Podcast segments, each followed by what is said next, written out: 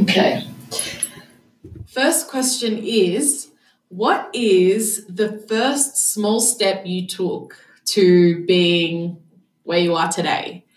Now, I I usually use an example for this is like for me to get out the podcast episodes consistently every week, I had to prioritize my sleep because if I wasn't sleeping eight hours a night, I couldn't function and etc. etc. etc. So, what was that small step you took to be the Daniel of today?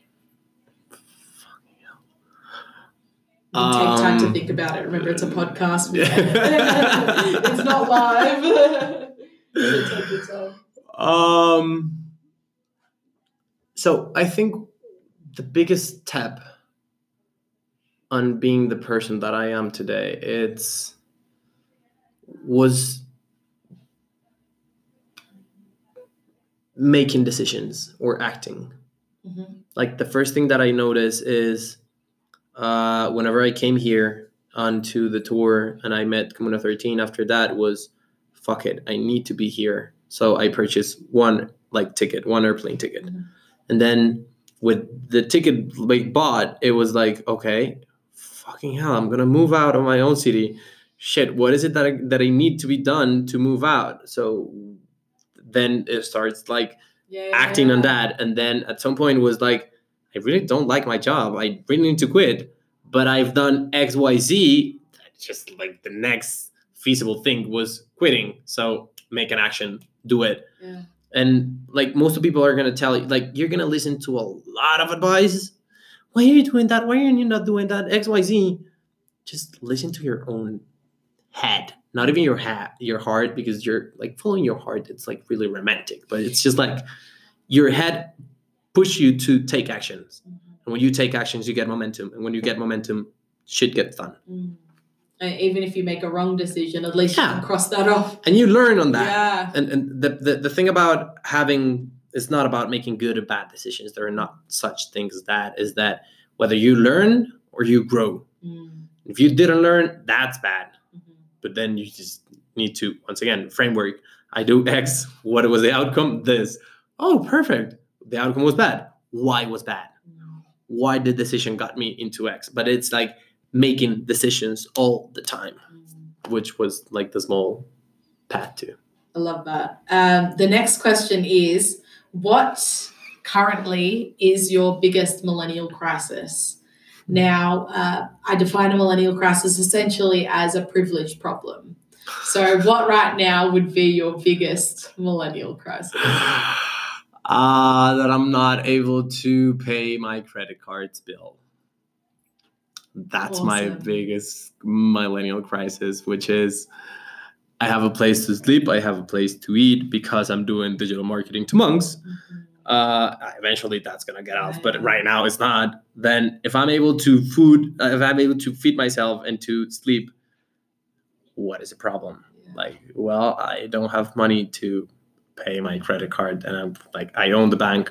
Okay good for you what happened like what's the worst case scenario if you don't pay the bank they can go out two or three months and like, usually people don't, don't pay after a year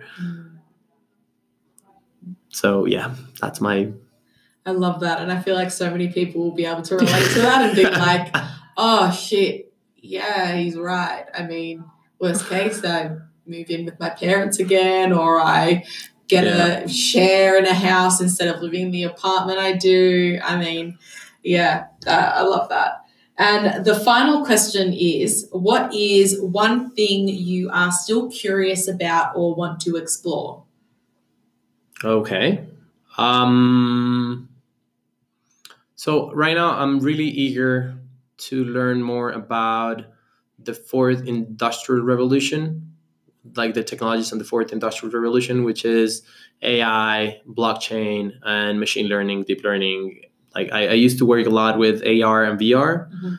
Um so there's like some sense in that but then I want to like put it in together with the SDGs of the NU, with the UN, which I think it's really powerful way of thinking as their most important problems that we're currently having within our society just mixing it together with the biggest exponential technologies that we have available and then how can we cross together all that stuff to make really good products and services so i think that's going to be my next quest Cool. I love that. Awesome. Now, uh, as everyone listening will know, after each episode, I set a challenge. Yeah. And I asked you if you had a challenge you would like to set for everyone.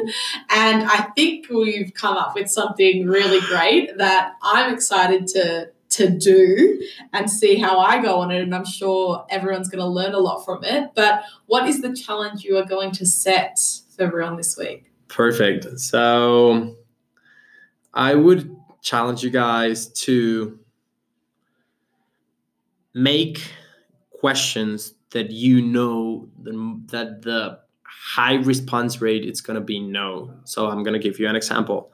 You go on the street and you're nearby a McDonald's and you really want to have a McFlurry or a Mac ice cream, but you currently, let's say, you don't have any change on yourself. Ask for a dollar to make that ice cream and to have that ice cream. And that with any particular thing that you read into your mindset, you know that people are going to say no to you. Just throw yourself and ask questions throughout, I don't know, a week or two weeks. Or a really nice pyramid is going to do this within a month and you're going to see amazing results. But a week, it's going to be good. Yeah, yeah, yeah. I mean, even just asking one question, I'll be happy if anyone does that. um, that's awesome. And I think this is people are going to learn so much from this um, because hearing no isn't the scariest and worst possible thing that can happen, yeah. although it seems like it in the time. Um, thank you so much for today, Daniel. I think people are going to have so much value out of this and take so much out of it.